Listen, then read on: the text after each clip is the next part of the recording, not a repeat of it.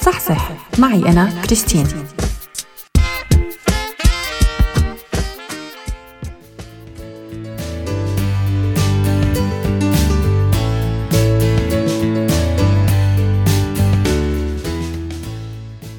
مرحبا معي أنا كريستين بفقرة جديدة. الحقيقة العلاقة بين الدين والطب كتير قديمة من بداية التاريخ المسجل وعلى فكرة مو من زمان كتير تم الفصل بين الطب والأنظمة الدينية. فإذا تذكرنا مع بعض أسماء مثل مستشفى القلب الأقدس أو مستشفى الرسول الأعظم واطلعنا على تاريخ المستشفيات منشوف قديش كانت العلاقة بين الطب والدين قوية.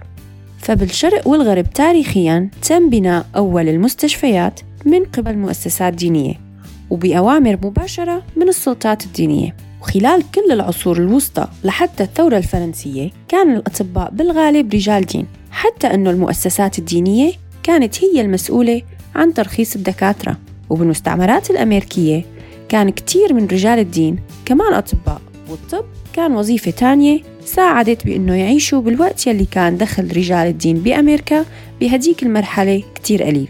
وكمان الرعاية الصحية كانت مرتبطة بالدين بمرحلة من المراحل. فكتيرين من الناس يلي عانوا بمجالات الصحة العقلية بالغرب كانوا يروحوا على الأديرة والمجتمعات الدينية.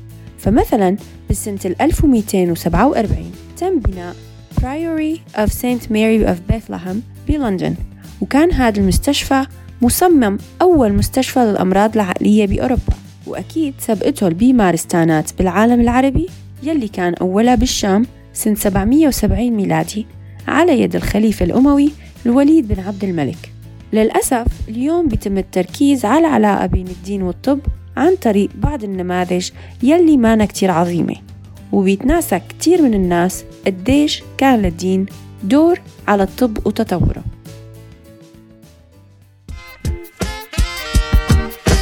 صح صح معي أنا كريستين.